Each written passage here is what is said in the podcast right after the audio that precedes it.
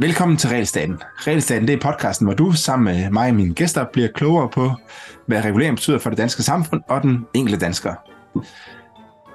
Jeg har netop udgivet et øh, notat, hvor jeg lægger op til, at vi i Danmark indfører et regelstop, øh, som over tid skal få, faktisk over relativt kort tid, tre år, skal få øh, reduceret regelmængden med 25 procent.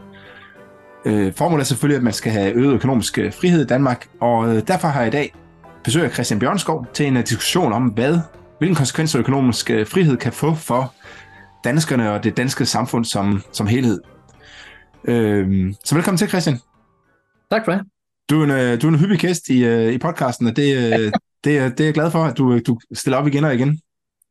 Det er forskellige snakke, men, men også snakke, som meget ofte handler om, øh, om regulering og økonomisk frihed og, og hvad skal man sige, sådan noget, evaluering af politikker. Ja. Politikerevaluering, hvad man skal kalde det, ikke?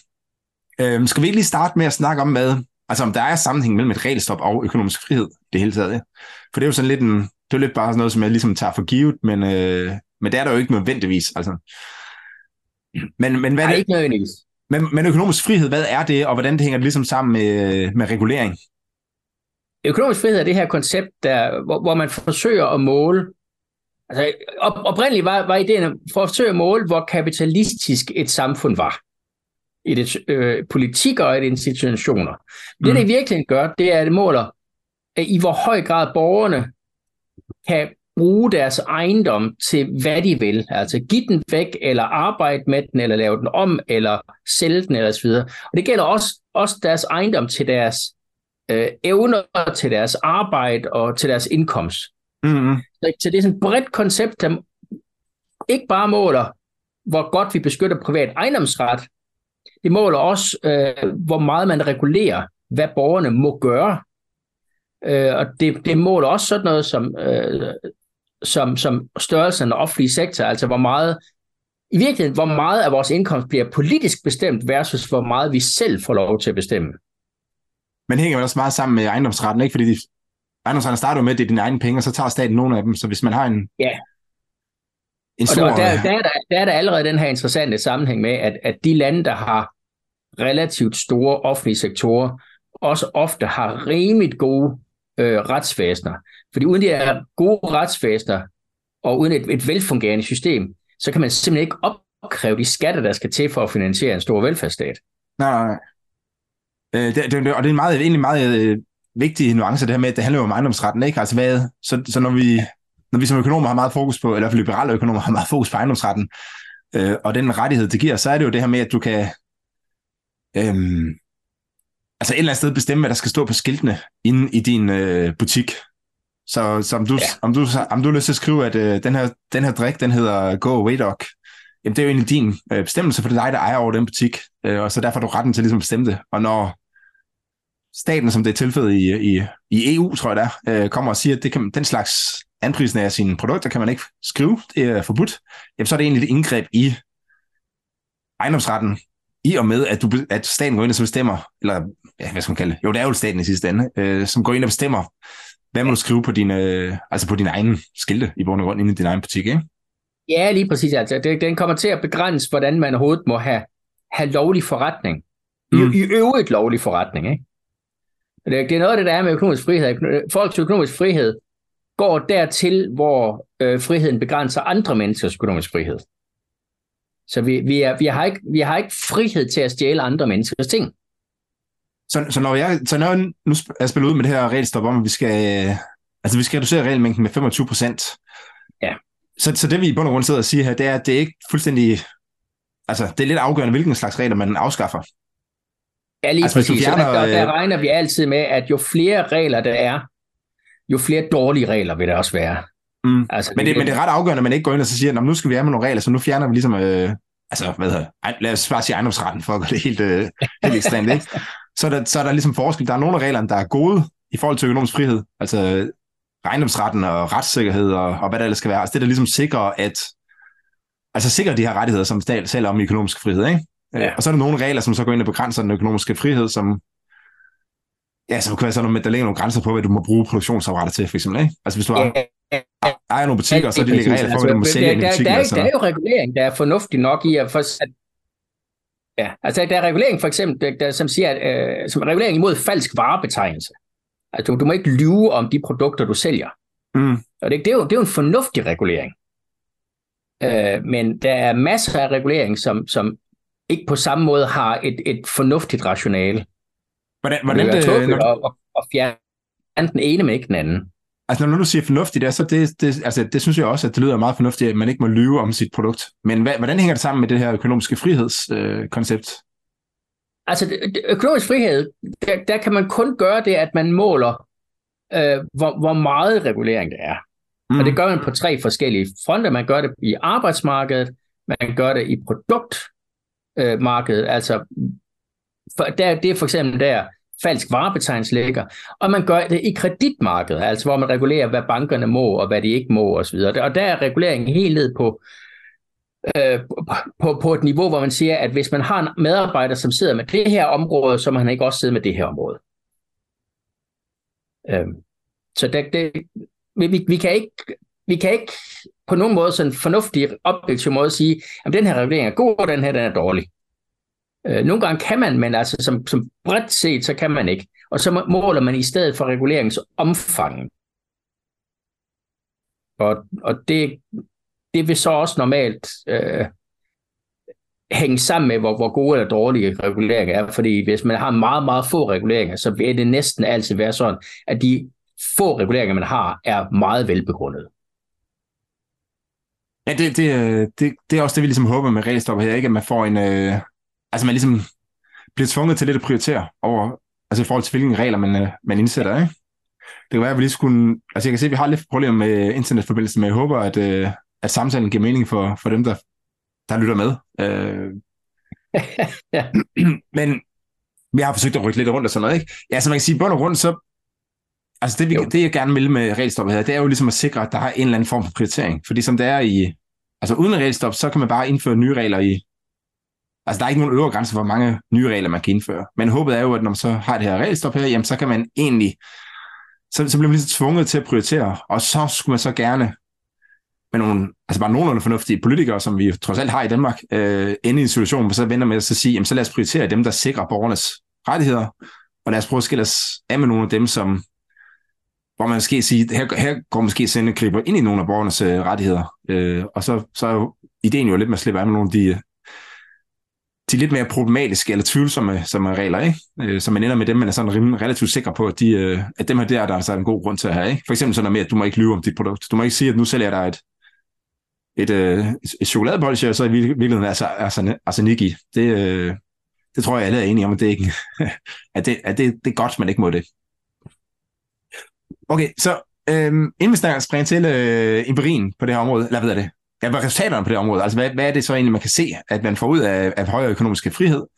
Så kunne jeg tænke mig, at vi snakker en lille smule om, øh, hvordan man undersøger det her, fordi det, hvis man har læst, hvis man har læst masse mange øh, studier af forskellige art, og det her tænker jeg specielt på nogle studier inden for lægevidenskaben, øh, hvor man ser, at nu, der, nu er det lige pludselig sundt at spise chokolade, og nu er det usundt at gøre det ene, og nu er det sundt at gøre det, det tredje.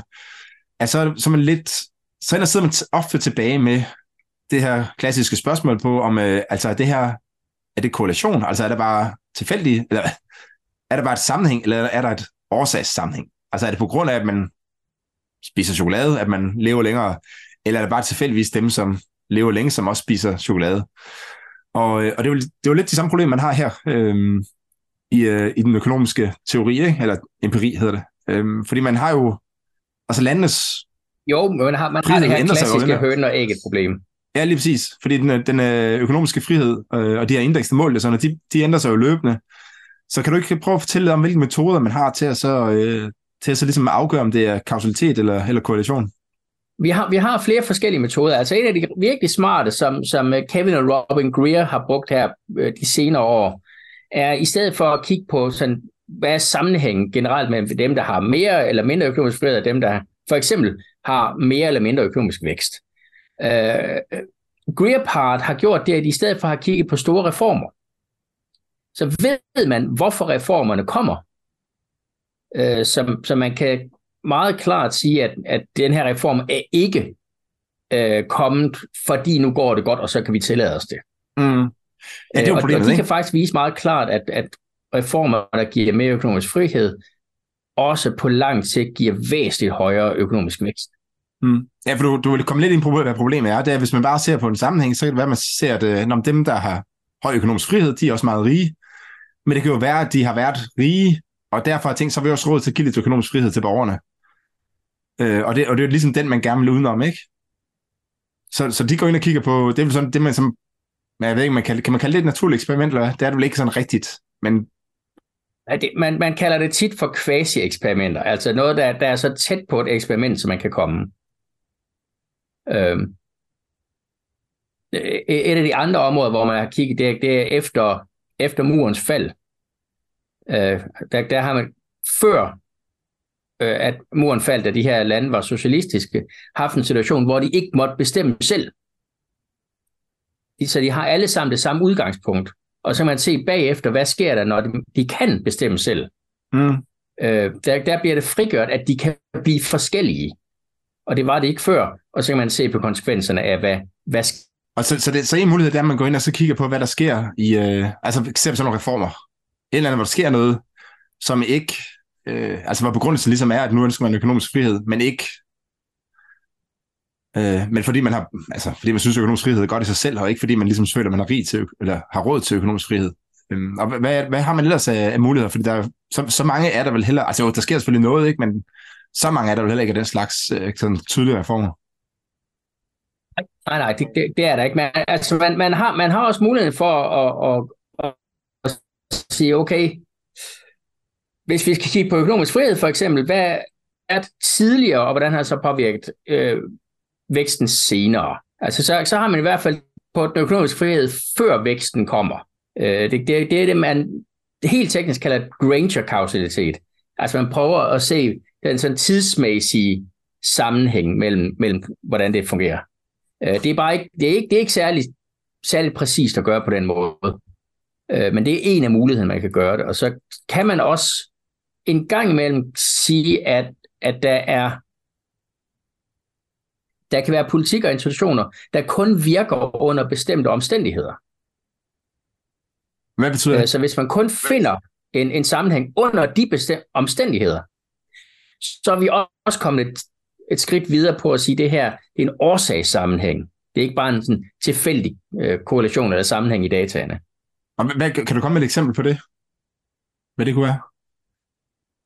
Ja, altså øh, øh, vores øh, danske kolleger Mogens Kammer Justesen og Peter Kohl Klitgaard udgav noget for øh, omkring 10 år siden, hvor deres argument var, at at øh, have et rigtig godt retsvæsen er primært vigtigt, og gør, gør primært folk øh, rigere, hvis der også er institutioner, der ligesom binder det fast.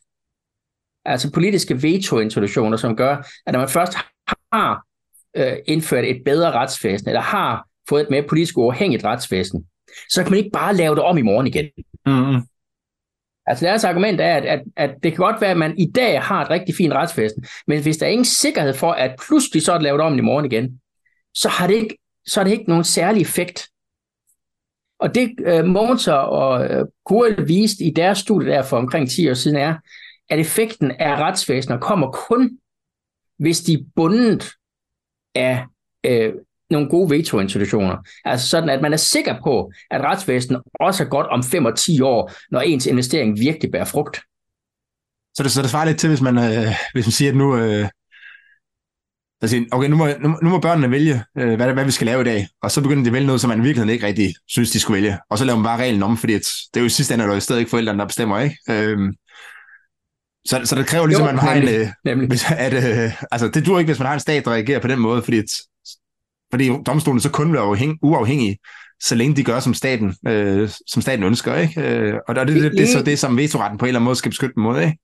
Det, det er lige, lige præcis. Lige præcis. Der, der, altså, i, i, I det eksempel, hvis børnene pludselig gør hvad, noget, som jeg ikke vil have, så skal der være en, en, en bedsteforælder, der siger, ej, nu sætter du ned og holder den mund. Ja, lader du det har lovet det. Ja, sådan noget. Ja. Ja.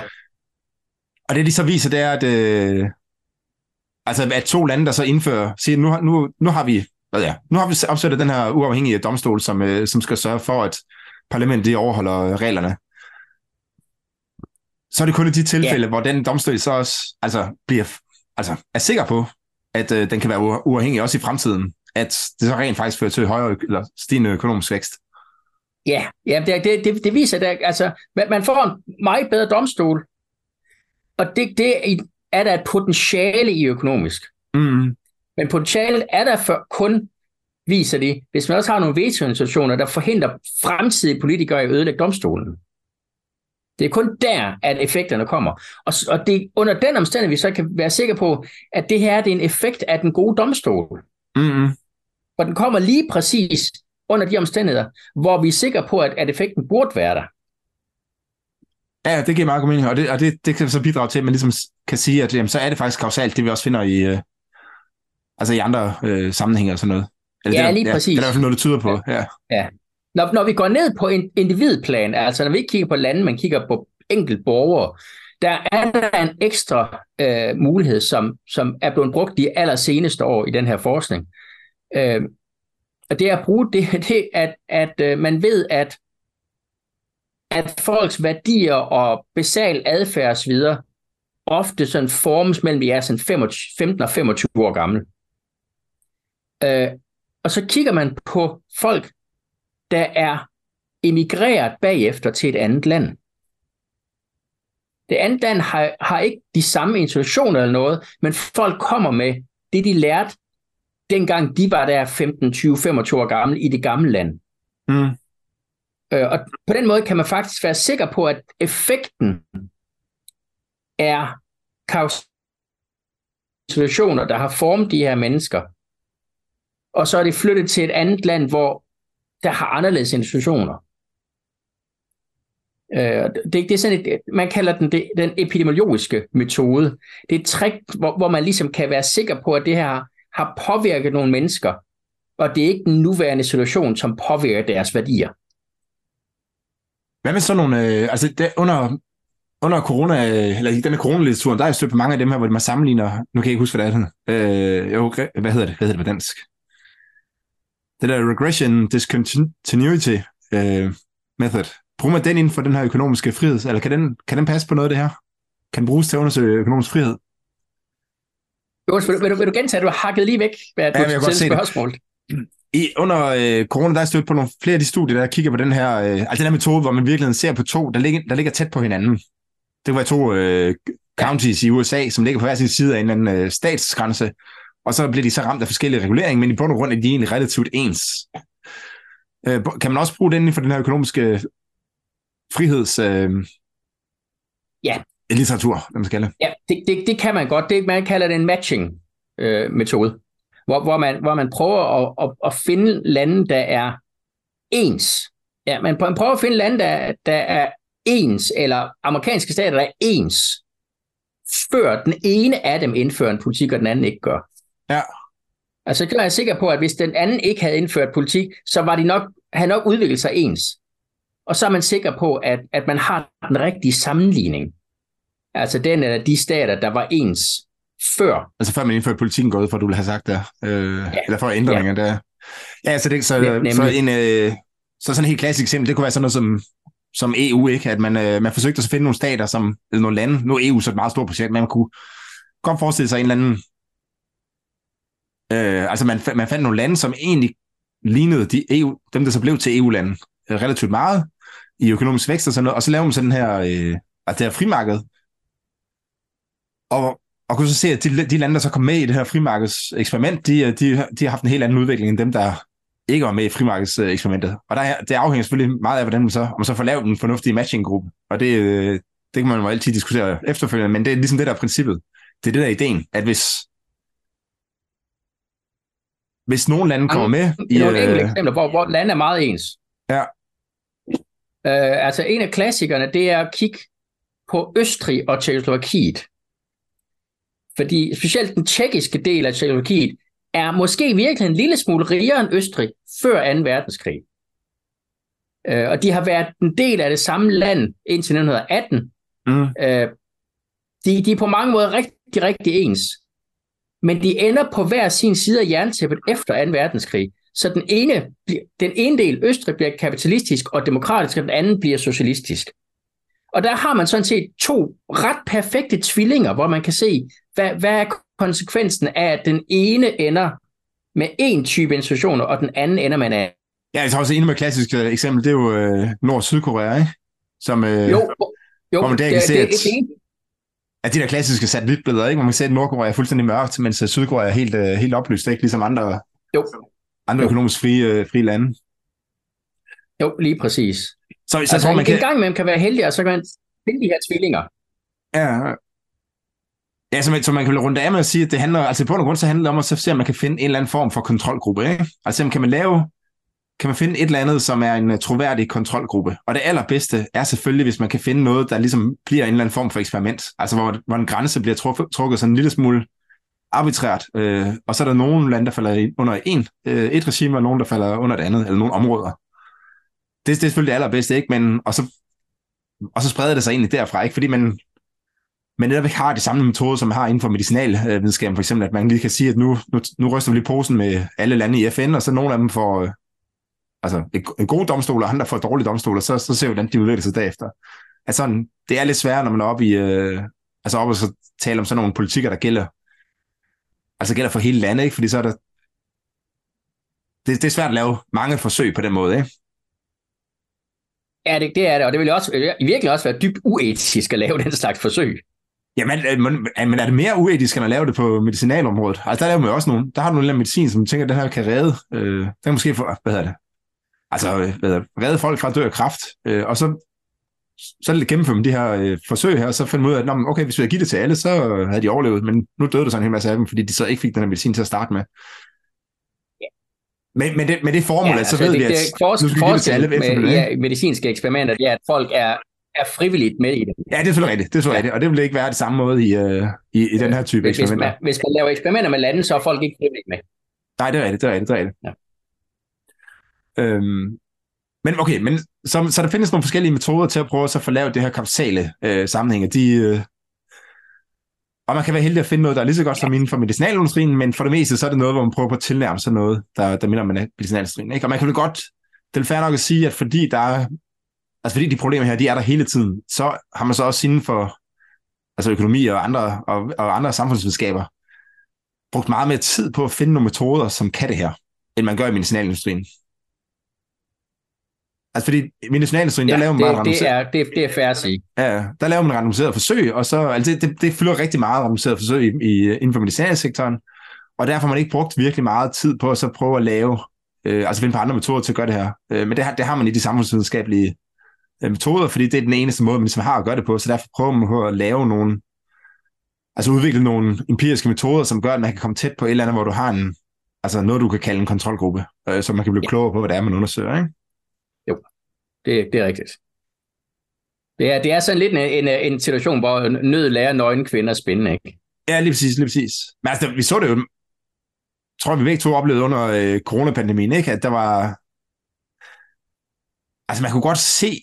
Jeg, jeg synes, de der studier, man kiggede på, man kunne godt se, hvem der havde... Altså, man kunne godt se, hvad- om de var lavet af folk, der havde sådan en samfundsvidenskabelig forståelse. Der kan også godt være læger, som har den her forståelse. Det, det kan der sagtens være. Eller folk inden for Ja. og sådan noget, ikke? Øh, men der er, bare en, der er ligesom en overvægt af studier, hvor de har tænkt over de ting her med, hvad er det egentlig, vi undersøger, hvad er, kon- altså er det en rigtig kontrolgruppe, har vi styr på kausaliteten og sådan noget, det, det er mere udbredt inden for dem, der er vant til at arbejde med den her type problemer her, end, end det var for i, i høj grad. Og jeg, jeg tror, vi skal huske at sige, det er, ikke, det er jo ikke, fordi lægerne er dumme, de har bare ikke tradition for det. Altså, øh, øh, under, under nedlukningen, der talte jeg, brugte omkring 45 minutter øh, en aften på med en overlæge i telefonen, så en meget, meget begavet fyr. Øh, men for at forklare, hvad, hvad, hvordan er det, vi gør de her ting, og hvorfor er det anderledes end lægerne, og, og efter de her 45 minutter, der, der, der udbrød manden simpelthen, det var da enormt smart, hvorfor gør vi ikke det? Ja, men det er så fordi, det ikke er, det ikke, altså de har en bedre ja. metode, kan man sige, ikke? Ja, men Ja. ja. det er netop fordi, at, at, at de her slags problemer er meget mere normale i samfundsvidenskaberne. Og så har vi selvfølgelig også udviklet metoder til at forsøge at håndtere dem. Ja, det, øh, det svarer lidt til at sige, hvis, øh, altså, hvorfor, altså, det er da smart, at I har søm, så når, altså, men vi har selvfølgelig skruer, så, så vi bruger altid skruer, ikke? Men, øh, ja. Men hvis man ikke har skruer, så er det smart nok at have søm, ikke? Jo, nemlig. Nå, okay, men lad os, jamen, så lad os snakke lidt om, hvad det er, de så viser, de her studier her, ikke? Øh, Nu, ja. nu, lad os, nu, nu siger vi, nu har vi styr på korrelation og kausalitet, øh, ja. Ja. så, og nu øh, indfører vi et regelstop her i Danmark, Og, øh, og vi mener også, at det så vil føre til, altså vi trods alt har så fornuftige politikere, det fører så også til øget økonomisk øh, frihed. Ja. Hvad kan vi så forvente? Altså lad os, lad os snakke om det økonomiske først, for det er jo tit, Jamen, det er jo det, tit det rigtig meget fokus. Ikke? er, det økonomiske er typisk, at, at der kommer øh, der, der kommer ind flere investeringer. Der kommer også ofte investeringer på længere sigt. Øh, fordi der, der bliver det, man kalder policy certainty. Altså det bliver meget mere stabilt, hvad for en slags politik man har. Man bliver nok også mere kredsen med, hvad for nogle reguleringer man indfører, når man er tvunget til at, at afskaffe nogen, når man skal indføre en. Mm. Øhm, så, så det betyder sådan helt lavpraktisk, at for virksomhederne, der bliver det mere forudsigeligt, hvad det er for reguleringer, der er, og, og, og mere forudsigeligt, at det ikke skal så øh, næste måned eller næste år. Og det tillader dem at investere mere, og det tillader dem også at investere på længere sigt. Mm. Og der skal man altid huske, at, at alle investeringer i, i noget, der har med innovation at gøre, ny produktudvikling, ny procesudvikling, et eller andet, er alle sammen langsigtsinvesteringer. Der, der får man ikke gevinsten lige nu og her. Øh, Så, så vi vil næsten altid regne med, at, at den slags på længere sigt også øger samfundsproduktivitet, fordi man får simpelthen mere innovativ aktivitet af det. Ja, det, jeg synes faktisk, det, der, jeg har to øh, cases, som jeg egentlig synes øh, illustrerer det der rigtig godt. Ikke? Den ene, det, det er noget, som jeg hørte øh, Martin Thorborg, han har fortalt om, at de, han har investeret i en eller anden virksomhed, som, ved, ved du, hvem han er? Ja. Han har investeret i en eller anden virksomhed, som laver øh, solceller, tror jeg det er. Jeg er faktisk lidt i tvivl om, hvad det er. Men det er så et eller andet varmepumper eller solceller eller et eller andet. Ej, varme, det er faktisk vist øh, varmepumper. Det er ikke så vigtigt for historien, Ja. men, men de, er så, øh, de havde sådan en virksomhed, der egentlig kørte øh, fint, og så kom regeringen lige pludselig og sagde, nu de indføre et øh, tilskud til, øh, til varmepumper, og, men, men ikke ligesom en dato for, hvornår det var, vel? Øh, og, og, og så gik deres, mar- altså deres marked ud, så var helt ud, ikke? fordi så nu sad folk jo så og ventede på, at det der tilskud kom på et eller andet tidspunkt. Og det gik for at have et, øh, altså en, en meget, meget velfungerende virksomhed til, at, til lige pludselig at måtte fyre øh, adskillige medarbejdere og, og skære helt ned for aktiviteterne. Og det er jo lige præcis, det, det er jo en omkostning for virksomheden, ikke? Altså det der med, at man, man lever under sådan et, øh, et regime, hvor man ikke rigtig kan forudsige, hvad der, er, der sker. Øh, og, og, og nogle, ja, ja. gange så har, nogle gange så er formålet med politik jo ligesom at reducere usikkerheden, men det kan altså også bidrage til at øge usikkerheden, når der kommer sådan nogle øh, altså lidt arbitrære indgreb fra, fra, fra politikerne. Og det, det er jo noget af det, som man, altså med økonomisk øh, frihed, det kan reducere de her arbitrære øh, indgreb, ikke? Ja, og så, og så høj, en anden, høj grad, øh, ja. en anden case er det her med, altså er vi egentlig Uber, ikke? Altså Uber startede, de har en eller anden fed idé, og, øh, og det er, de har nok ført den ud i livet uanset hvad, ikke? For det er jo blevet en kæmpe stor dag. Men forestil dig noget, der er lidt mindre, Ja. lidt mindre clear cut. Altså man kan sige, her, øh, det her kunne, kunne godt blive en god idé. Der er den her, den her der, er, der vil man, hvis man har en, øh, altså en, en stat, der griber ind rigtig ofte, så vil man som, som øh, iværksætter sidde og overveje, kan vide om, altså hvis jeg nu får succes med det her, kan vide om så politikerne, de begynder at interessere sig for det og, og begynder så at begrænse mine, mine muligheder. Man kan ja. jo se, Uber der er jo grebet ind på alle mulige måder. Ikke? Altså nogle steder er det blevet øh, forbudt, øh, andre steder har man altså indført alle mulige krav om, at nu skal, der, nu skal man kunne tilbyde drikkepenge, nu skal man det ene, og nu skal man det andet. Ikke? Så de har fået pålagt alle mulige ting og sager øh, oven i der produkt, som, som hvis nu det er mindre fantastisk, end det er, så kunne det måske have ført til, at man sagde, at okay, så nu er det faktisk ikke en god idé mere. Øh, vi troede, det var en god idé, ikke? Men, men nu er der simpelthen kommet så mange regler på det, øh, at, at nu er det ikke en god idé mere. Og det er jo, det er jo også sådan noget, som bliver som virksomhedsejerne ligesom vil eller iværksætterne ligesom vil tage, tage hvad hedder det, take into account, hvad hedder sådan noget, tage Ja. højde for på, Og, på forhånd, ja, der, og der er det ekstra aspekt af det. Nogle, nogle gange, så, så, så kan det godt være, at ja, nogle, nogle gange kan det godt være, at det her, man indser, at det her det er ikke, måske ikke nogen god idé længere med de her reguleringer. Øh, andre gange, og det, det er et konkret dansk problem, der kan man indse, at det her det er stadigvæk en god idé, men bare ikke i Danmark. Ja, Det, det flytte kan også være idéer til? Schweiz eller Canada eller Storbritannien eller andre steder, hvor klimaet er anderledes. Ja, ja, det er rigtigt. Og, det, og der er i, altså, der vil sige, jo højere den økonomiske frihed er, jo, jo mindre af den her slags øh, indgreb, ja, det er jo indgreb i den private ejendomsret, ikke? Altså det der med, at du ikke kan få lov til, for eksempel hvis du bare tager Uber, at du ikke selv kan bestemme, hvordan du øh, Ja. anvender din bil. Det er jo et, et klart, klart indgreb i den øh, private ejendomsret. Så, øh, og, og det, det skulle sådan noget, som højere økonomisk frihed så gerne føre til, ikke? Ja, ja. Og vi, det kan jeg jo lige så godt nævne her, vi har jo selv lavet et, et øh, Jo. Og Uber er jo også Jeg kommer bare, Christian. Uber er, er et rigtig, rigtig godt eksempel på, på en af grunden til, at der nogle gange kommer reguleringer. Det, det er, at, at da Uber kom til Danmark, var det jo en trussel mod den etablerede taxabranche. Og taxabranchen har gode politiske forbindelser og klagede deres nød, og så fik man regulering. Øh, ofte, ofte er de her reguleringer øh, noget, som særinteresser har bedt om at få. Mm. Ja, det er ikke så langt siden, jeg læste en artikel, der hed, øh, der hed noget, eller, eller, altså regulering af de eksisterende virksomheders bedste ven, eller sådan noget. For det er jo tit det, det man kan frygte i hvert fald, det er, at øh, meget af den her regulering den blev indført for ligesom at forhindre nye øh, virksomheder i at komme ind på markedet. Ikke? Øh, jeg jeg jo, læste en, et interview med en øh, EU-parlamentariker på et tidspunkt, som har været på besøg i, øh, i Facebook, og så fortalte om alle de her ting, som de nu vil gøre ved Facebook, øh, med, med krav om alle mulige ting og sager, som Facebook skulle leve op til. Ikke? Og da hun så kom ud derfra, så har hun, hun sagt, at, øh, at hun var sådan lidt, var lidt nervøs nu, fordi at Facebook havde været så, så tilfredse på en eller anden måde med det, der var blevet på bordet. Ikke? Øh, og, og, og som, som økonom sidder man jo tænker, at det, det kan jo godt være, fordi at nu kommer der alle mulige regulering, som sikrer, at Facebook ikke får nogen konkurrenter i fremtiden. Eller i hvert fald sværere at skabe ja. en konkurrent. Ikke? Altså jo flere, jo flere regler der er, du skal leve op til for at starte en, øh, en, et nyt socialt netværk, jamen jo, jo mindre er sandsynlighed for, at der sidder en eller anden på et øh, kollegeværelse og laver noget, der er endnu bedre end, øh, end Facebook.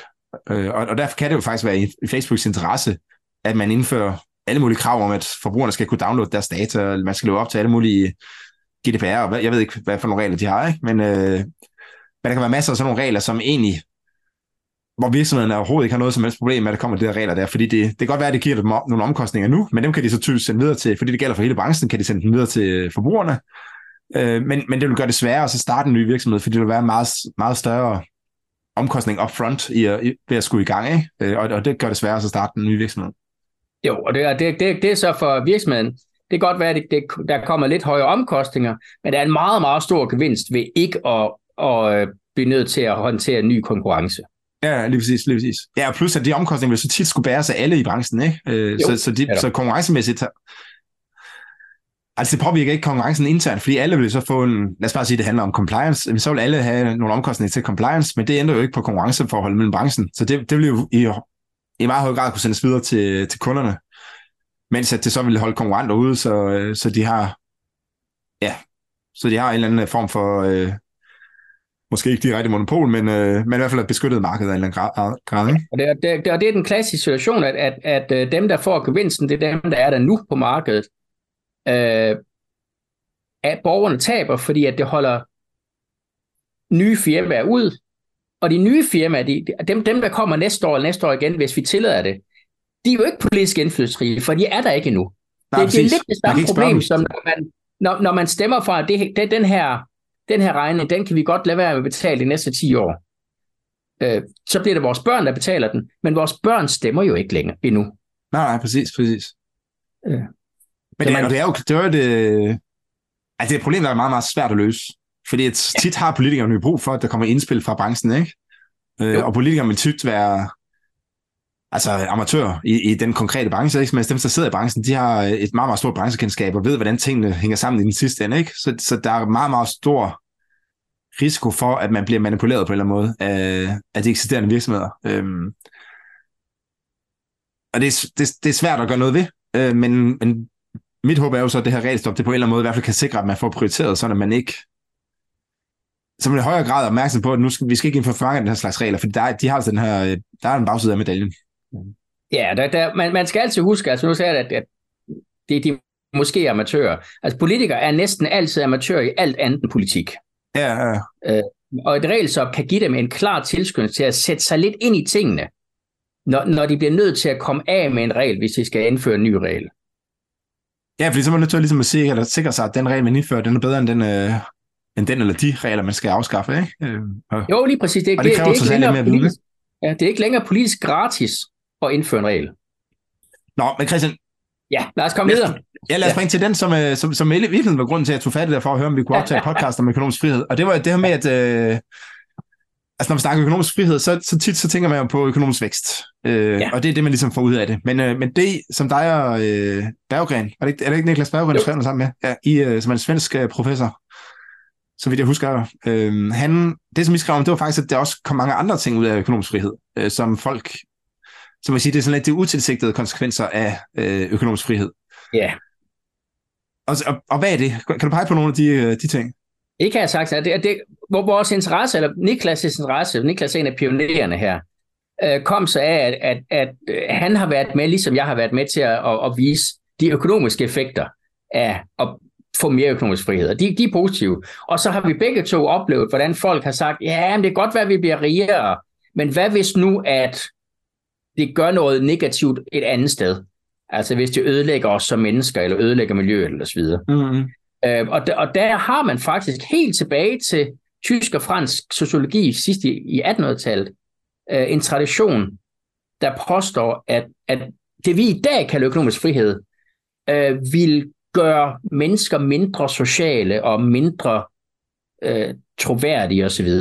Jeg er helt særlig en fyr, der hedder Ferdinand Tönnies, som, som øh, skrev øh, om det, han mente var en modsætning mod mellem Gesellschaft og Gemeinschaft. Så Gemeinschaft vil mere eller mindre være det, vi i dag kalder social sammenhængskraft. Og Gesellschaft, det er, det, det er et, et moderne markedssamfund. Så, så, han så mener, der er en afvejning mellem, man, øh, der er en, af, en afvejning mellem øh, markedet og sammenhængskraft. Ja, altså han, Tønnes idé var, at jo mere man får Gesellschaft, jo mere man får et moderne økonomi, jo mere ødelægger man traditionelle sociale forhold og sammenhængskraft og, og meningsdannelse for almindelige mennesker. Øh, og det, og det, og det, kunne, kan, det kunne ja, være, at, at, at økonomisk frihed havde en omkostning på den front. Mm, og man kan jo godt... Øh, altså man kan godt forstå, hvor tanken er kommet fra, ikke? For der er jo en ja. grund til, at vi ikke øh, handler med hinanden i familien og blandt venner og sådan noget, ikke? Øh, man, jo. Nu havde så sent som øh, i lørdags, tror jeg, altså for to dage siden, havde jeg besøg af mine forældre Øh, og min far havde så taget batteri med til min søns øh, bil. Og det passer så i den bil, men det passer faktisk i vores nabos bil. Ja. Og så sagde jeg, at øh, det passer faktisk i naboens bil, øh, så kan jeg ikke bare købe det til naboen. Men så sagde min far, at øh, nej, nej, nej, altså hvis I giver det videre til nogen, så, så vil jeg ikke have penge fra jer, vel?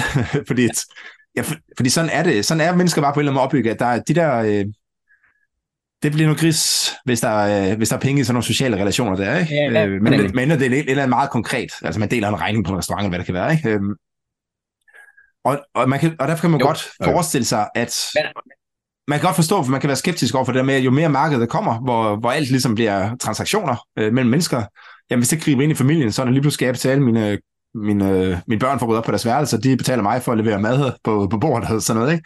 altså, så bliver det et underligt øh, samfund. Så, det, så så, så ligesom grupperne for at tænke det her, kan man jo godt, øh, kan man godt sætte sig ind i. Ja, jeg tror, jeg tror, det er en idé, der giver intuitivt fin mening for rigtig mange mennesker. Men øh, det er så også en idé, som man, man bliver nødt til at teste. At, ja, selvfølgelig. At, at, det, er jo, det er jo bare en påstand. Ja. Øh, og der var Niklas øh, en af pionererne i at, at prøve at kigge på det her, øh, ved, øh, jo sammen med Therese Nielsen i Lund, og, og se det her mere økonomisk frie lande ud. Og der kunne de faktisk bruge nogle, nogle data, for eksempel fra det, der hedder World Value Survey, hvor man har spurgt folk om, om, øh, om hvor vigtigt det er at være tolerant over for bestemte grupper af, af mennesker. Og man har også spurgt folk, og spurgt stad, stadigvæk, når, når undersøgelsen bliver lavet, så spørger man, hvad, hvad man synes er vigtigt at lære sine børn. Øh, og Niklas og Therese har i, i en række studier peget på, at økonomisk mere frie lande øh, får mere tolerante befolkninger. Altså folk, hvor det, det, det er vigtigere at, at lære deres børn tolerance over for andre mennesker. For folk, der er øh, også det aller, aller første studie pegede på, at økonomisk friere lande øh, har, har befolkninger, der er mindre skeptiske over for homoseksuelle. Og hvad, hvad er forklaringen øhm, på det? Lad, lad, mig også, lad mig spørge om noget andet. Er det, altså, er det, finder de, er det en, snakker vi korrelation nu, eller snakker vi kausalitet?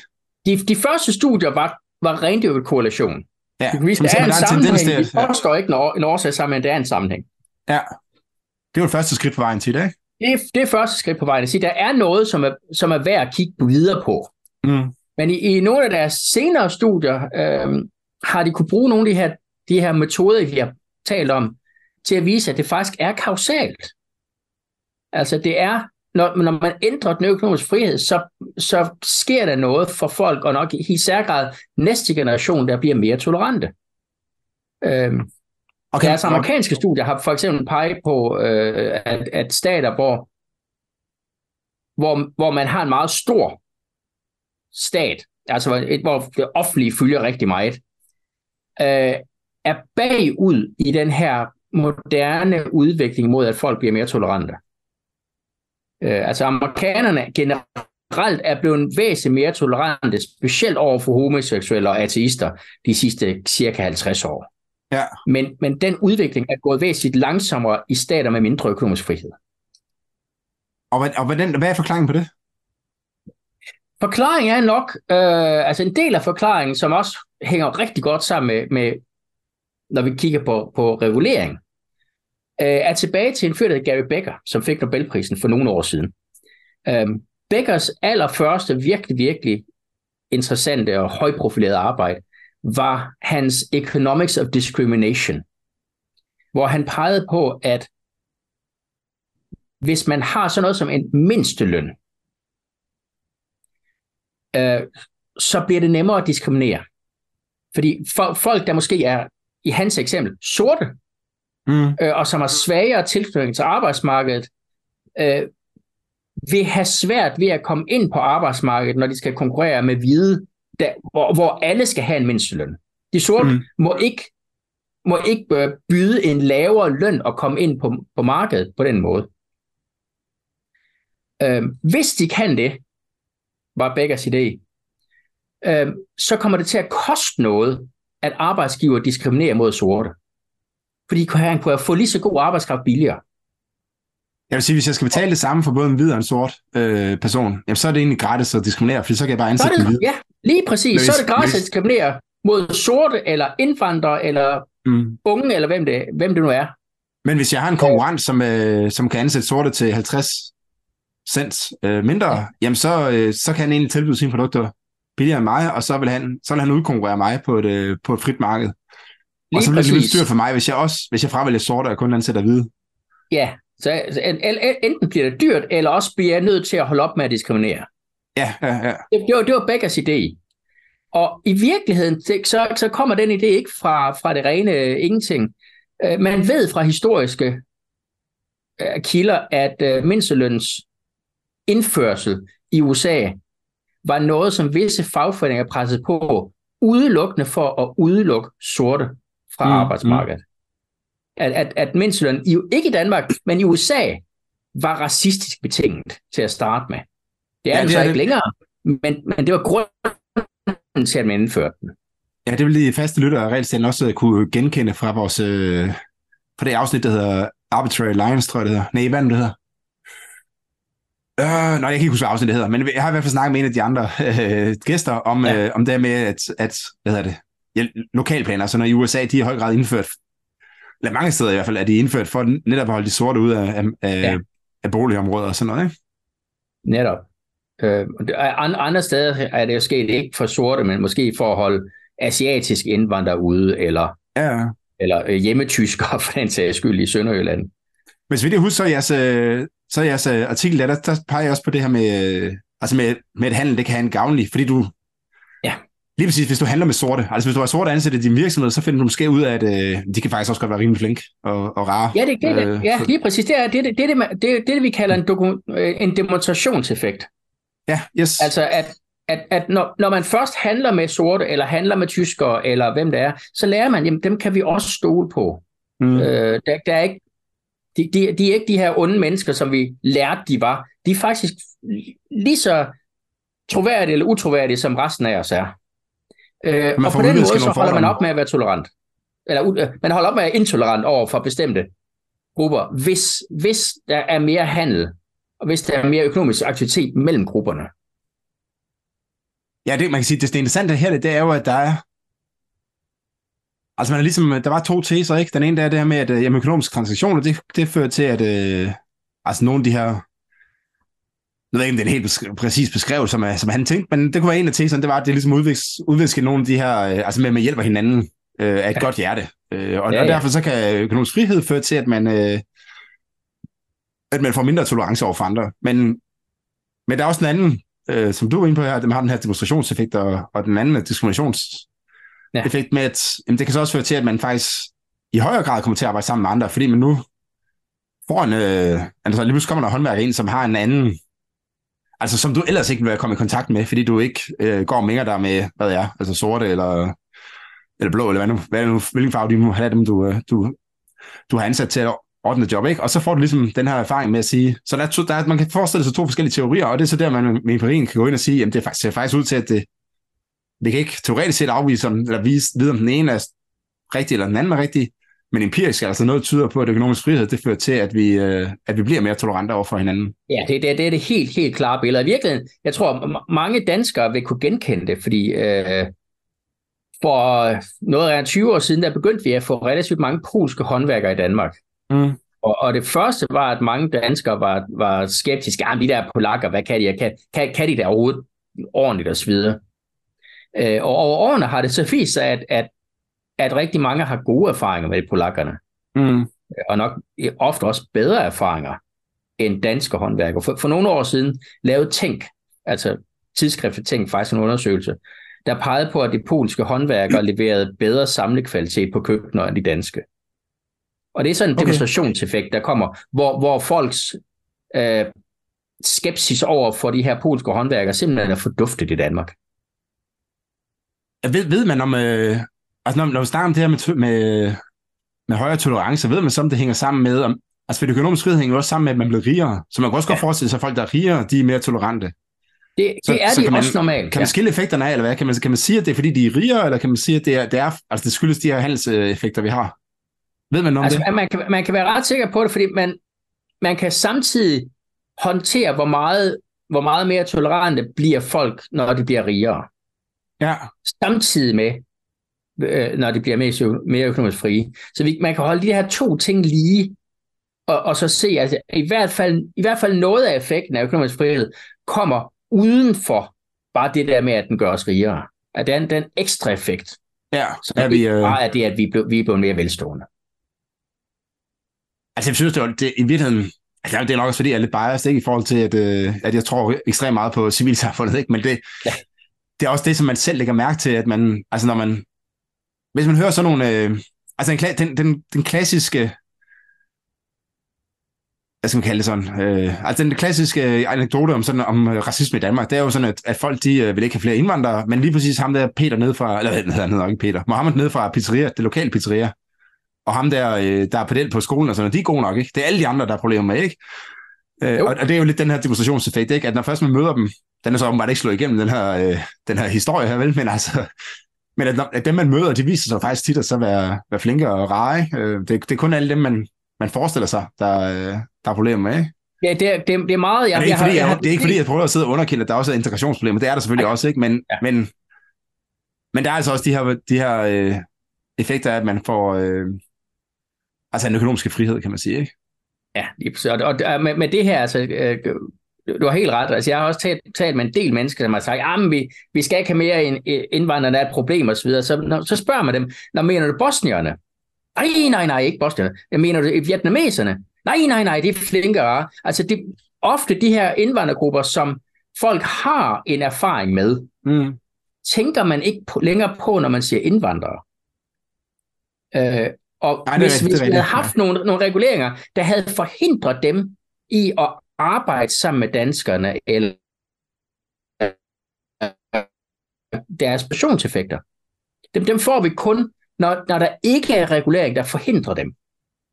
Ja, man kan sige, det er der jo i Danmark i dag, ikke? Altså, der, er jo, der er jo stadigvæk regler, som, øh, som holder Altså overhovedet ikke i samme grad som i USA, det er i hvert fald min fornemmelse, at det ikke er i samme grad. Øh, men der er jo også regler for, altså for eksempel sådan nogle uddannelseskrav, ikke? Nu, altså jo. i dag skal du have en uddannelse for bare at køre varevogn, for øh, altså køre rundt med pakker, ikke? Øh, og der er også, og der er også stadigvæk altså mindstløn, som bliver hvad hedder, håndhævet af fagforeninger, sådan noget, ikke? som gør, at, at indvandrere kan have svært ved at komme i bestemte brancher og sådan noget, ikke? Som, så det er jo ikke, det er jo ikke helt væk i Danmark, øh, selvom det er meget mindre grad end i, øh, end i USA, i hvert fald hvad, hvad, hvad sådan min fornemmelse er.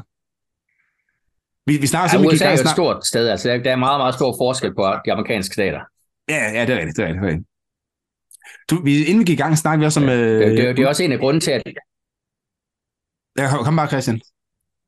det, altså, det, det, det er en af grunden til, at man nogle gange kan bruge de amerikanske stater som sådan et laboratorium for at se, hvad gør økonomisk frihed. For der har man nogen, som i princippet har samme regler, men så oveni har, har økonomisk frihed, som varierer fra stat til stat. Og der bliver Mm. det også nemt at se, hvad, hvad er det, den økonomiske frihed gør i, i, i et land, som ellers er relativt ens. Ja, ja. Nå, det vil sige, det var, inden vi gik i gang, der snakkede også om øh, økonomisk øh, frihed, hvilken øh, effekt det har på demokratiet. Ja, øh, og der, og der, der, der, der er det, man øh, i forskning kalder Hayek-Friedman-hypotesen, øh, som, som simpelthen siger, at, at man kan godt få demokrati uden at have økonomisk frihed, men demokratiet overlever ikke, hvis der ikke er en vis grad af økonomisk frihed. Altså man, man kan, det, det er basalt set det Hayek og Friedman sagde, at man kan ikke have et demokratisk, socialistisk samfund. Og hvad, hvad er ideen her? Altså, hvad, hvad er det der, hvad er forklaringen her? Forklaringen er, altså, Hayek Friedman-hypotesen er, er blevet kritiseret for at være lidt vag. Men der er for eksempel sådan noget, som, som jeg har kigget på, hvor man, hvor man siger, altså pressefrihed, en vis grad af pressefrihed, er nødvendigt for, at vi overhovedet kan have et demokrati. Øhm, men det, det, for, det forudsætter allerførst, at der er forskellige konkurren, konkurrenter på mediemarkedet. Så man kan ny virksomhed, inklusive en ny avis, hvis man er uenig. Øh, hvis der er særlige stærke økonomiske interesser, som er beskyttet, så vil de også normalt kunne udøve pres på aviserne. Basalt vil jeg sige, at hvis, øh, hvis I skriver noget, som vi ikke synes, så holder vi op med at sælge papir, eller så holder vi op med at sælge annoncer. Øhm, så så det, det her beskyttede interesser og, og regulering i høj grad også, men i høj grad markeds åbenhed, det er, at, at der er konkurrence mellem forskellige på markedet, Mm. øh, beskytter et lands pressefrihed. Og i sidste ende er det en nødvendig forudsætning for, at man bevarer et demokrati, det er, at man har den der pressefrihed.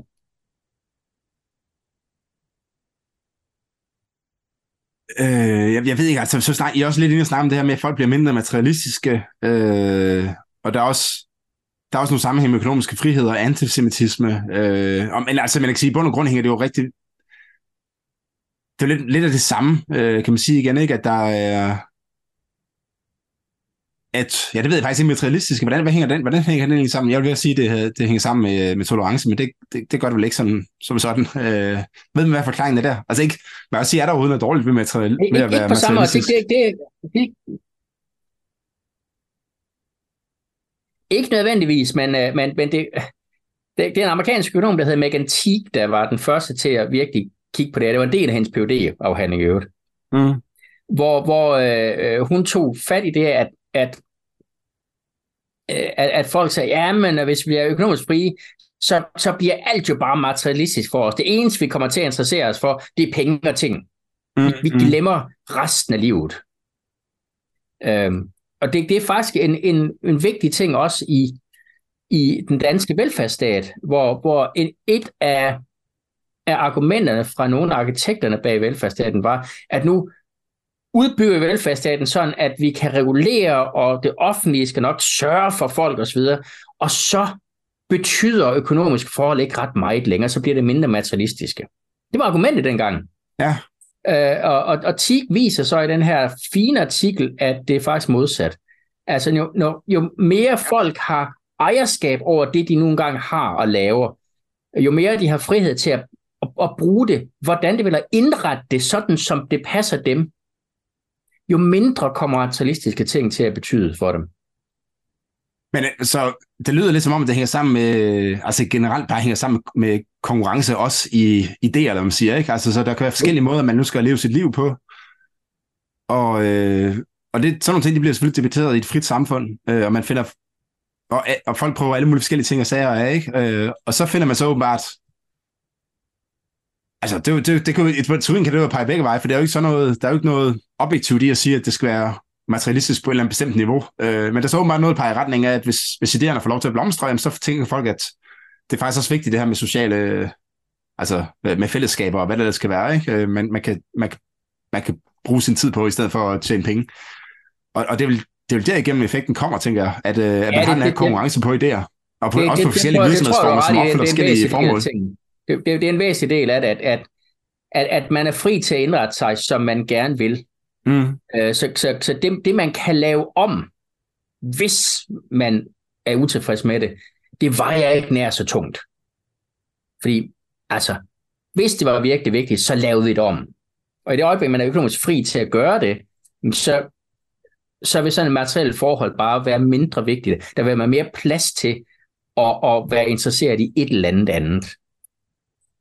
Ja, man kan måske ikke forestille sig, at der er nogen, øh, altså nogen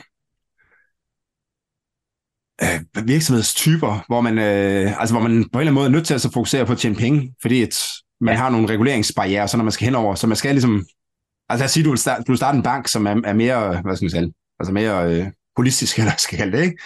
At, øh, at det er meget svært, for du, der, der, altså det, du kræver meget, meget store investeringer at starte en ny bank i dag, ikke? Fordi du, har et, du skal have et helt kæmpe juridisk apparat op at køre sådan noget, inden du, inden du kan få den første kunde ind ad døren, ikke? Så du er nødt til at fokusere 100% på at tjene penge fra, fra dag et af. Jeg tror overhovedet ikke, det kan lade sig gøre at starte en ny bank, men det kan også være nogle andre brancher, ikke? Så du, du, du kan være mere fokuseret til at tjene, tænke på, at nu skal du tjene penge, for det skal virksomheden simpelthen ikke overleve. Øh, så sådan nogle, sådan nogle effekter kunne måske også godt øh, forestille sig, ikke? At, jo. Altså jo mere, det, det, det, det jo, mere regulering er, jo mere, jo mere fokuseret vil du være på penge, fordi at, at du skal ligesom håndtere ja. de her reguleringsomkostninger, der måtte være, ikke? Jo, altså en, en væsentlig bekymring også, det samme gælder faktisk miljø, hvor, øh, hvor mange virksomheder faktisk gerne vil gøre det mest miljørigtigt. Mm. Færre udlægger, mindre forurening, mindre ressourcespild også.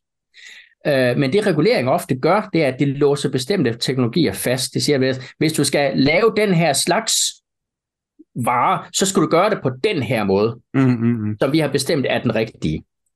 Øh, og der, der kan virksomheder sagtens nogle gange have andre måder at gøre det på, som er mere miljørigtigt, eller bruger færre ressourcer eller et eller andet. Men i det øjeblik, vi har reguleret området, så er det blevet lovligt at gøre det. Mm-hmm. Ja, der, der kan, kan jeg huske et meget klassisk eksempel fra, øh, faktisk fra noget, som fik lov til at ligge ud som et gæstafsnit på Realstaten, øh, fra en biokemiker eller sådan noget, som fortalte, at man på et tidspunkt indførte noget regulering, som krævede, at hvis du skulle indføre nogle nye øh, kemikalier på markedet, jamen så skulle, de, øh, så skulle man ligesom dokumentere, at de var øh, helt sikre, de her kemikalier. Ikke? Ja. Men det betød så også, at det var meget svært at slippe af med de kemikalier, der allerede var på markedet. Øh, for, fordi, et, ja, fordi det var dyrt at indføre nogen, også selvom man så kunne sige, at de var, måske, de var måske mindre skadelige, dem her, men, men det var svært at dokumentere det, og, og, og dyrt at dokumentere det. Og de var heller ikke, de var heller ikke uskadelige, de var bare mindre skadelige, dem der var på markedet. Ikke? Så ja. man, godt, man kan godt ende med den regulering, som man egentlig havde tænkt skulle gøre noget mere miljøvenligt, at, øh, at den faktisk ender med at have den modsatte effekt ude i virkeligheden, ikke? Fordi folk, de, øh, ja, fordi folk i bund og grund begynder at reagere på de her instrumenter, der nu bliver, der nu bliver sat foran dem, ikke? Jo, man, man, skal, man skal altid tænke på, at reguleringer kan, kan være af alle mulige gode grunde, men rigtig mange reguleringer er en bremse på bestemte ting. Altså, det, det, det bliver en, ofte en bremse på innovation på den måde. Ja, og vi, det er, vi er tilbage til det her med, hvem er der så egentlig, der har altså, hvem har skubbet på for den her regulering her i den første ja. ende, ikke? Øh, og der, der så vi altid som udforstående ting sådan, give vide. Altså, der er nogen, der skubber på, fordi de øh, mener, det er det moralsk rigtige, eller siger. Og så er der nogen, der skubber på, fordi de har en økonomisk interesse i det. Og det, og det kan meget, meget svært altså at vide, hvad der fylder mest. Fordi man kan sagtens forestille sig, øh, altså det ville jo være til gavn for eksisterende virksomheder, hvis de på en eller anden måde kunne forbyde øh, altså kemikalier, som konkurrerer med deres kemikalier. Ikke? Øh, men man, om det er det, der er sket, man kan jo ikke vide, om det er det, der er sket, men, men man, kan bare, man ved, at det er deres interesse, i hvert fald. Ikke? Ja, øh. man, man, man, kan, man kan for eksempel, ofte også få det helt absurde konsekvenser. En af de historier, man ofte fortæller i, i sådan en europæisk public toys kredse, det er historien om øh, fjernbusser i, i Tyskland. Så ja. efter 2. verdenskrig, der for, formåede de tyske øh, togselskaber at presse regeringen til at simpelthen at forbyde fjernbusser. Det mente, at det er ikke sikkert nok, eller det er sviner og så videre. Så mm. det, det havde man i mange, mange år overhovedet ikke i Tyskland. Øh, og ideen var, at så tager folk toget. Men det er faktisk den regulering, der har gjort, at Tyskland har så enormt mange indrigs flyruter i stedet for. Okay. I stedet for fjernbusser, så bliver det fly, der bliver konkurrenten til togene. Ja, ja. Og det, det, det er jo ikke ligefrem en miljøforbedring. Nej, det viser jo meget godt, at, øh, at det kan være svært at vide, hvordan folk reagerer på regulering. Ja.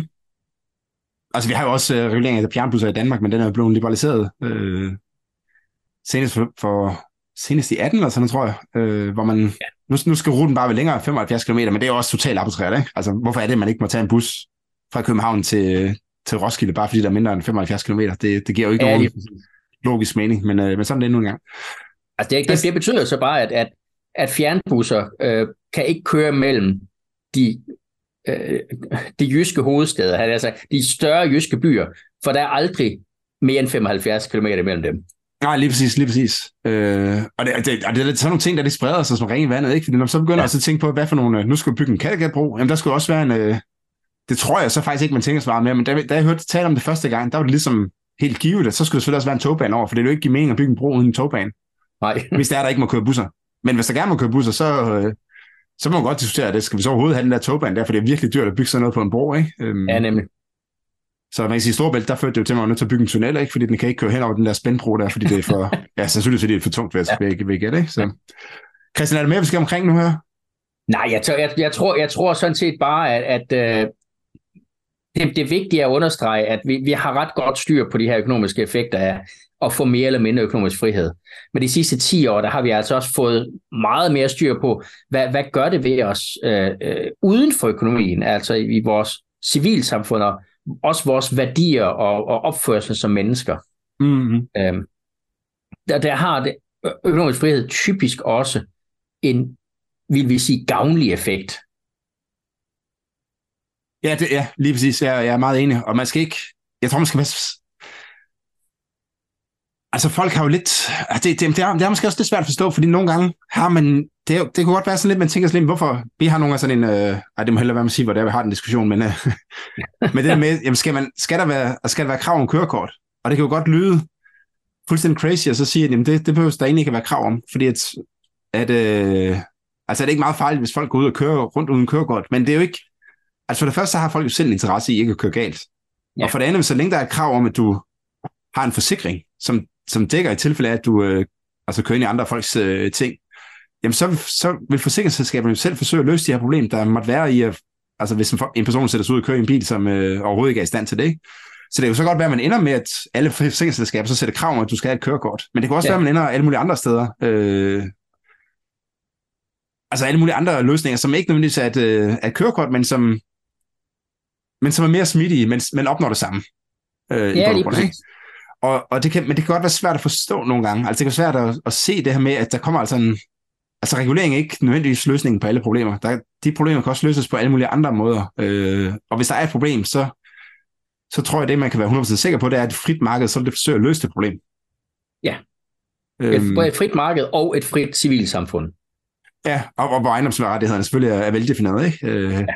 så, så, vil, så vil markedet også forsøge at løse det her problem. Ikke? Øh, og, og og det er jo det, som den økonomiske frihed, den, den tillader på en eller anden måde, ikke? At, at man kan løse, og de løsninger kan så, vil så ofte være bedre, end, end det staten kan, end det politikere kan finde på, og, og de vil også være mere fleksible, fordi man kan sige, hvis nu, at man så siger, nu så indfører vi en kørekort, men så, finder, men så er der forsinkelseskat, der finder ud af, at det er faktisk ikke den smarteste måde at gøre det på.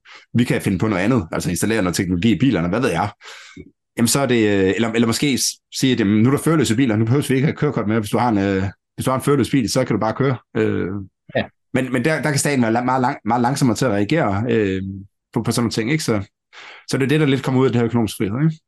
Jo, altså man, man kan sige sådan, at man skal altid huske, at, at folk er meget mere opfindsomme end Folketinget. Og jo mere ja. økonomisk frihed folk har, jo, jo mere finder de ud af at løse problemer selv. Lige præcis, lige præcis. Der er trods alt lidt flere, øh, lidt flere personer, end der er folketingsmedlemmer. Så. Ja. Super. Jamen Christian, Tak fordi du ville øh, bidrage med din tid igen i regelstaten. Det var en, øh, det var en fornøjelse som altid, og, øh, og godt klassisk emne, som, som jeg håber, vi får mere i fremtiden, altså økonomisk frihed. Så, ja, øh, så tak fordi du var med, og til jer, der sidder og lytter med, så hvis I har spørgsmål eller kommentarer, så øh, skriv til mig på herbysnabelagsevers.dk og I er selvfølgelig også meget velkommen til at gå ind og rate regelstaten på, øh, på de forskellige podcast-apps, øh, og ja, kontakt mig også gerne på sociale medier. Tak for det.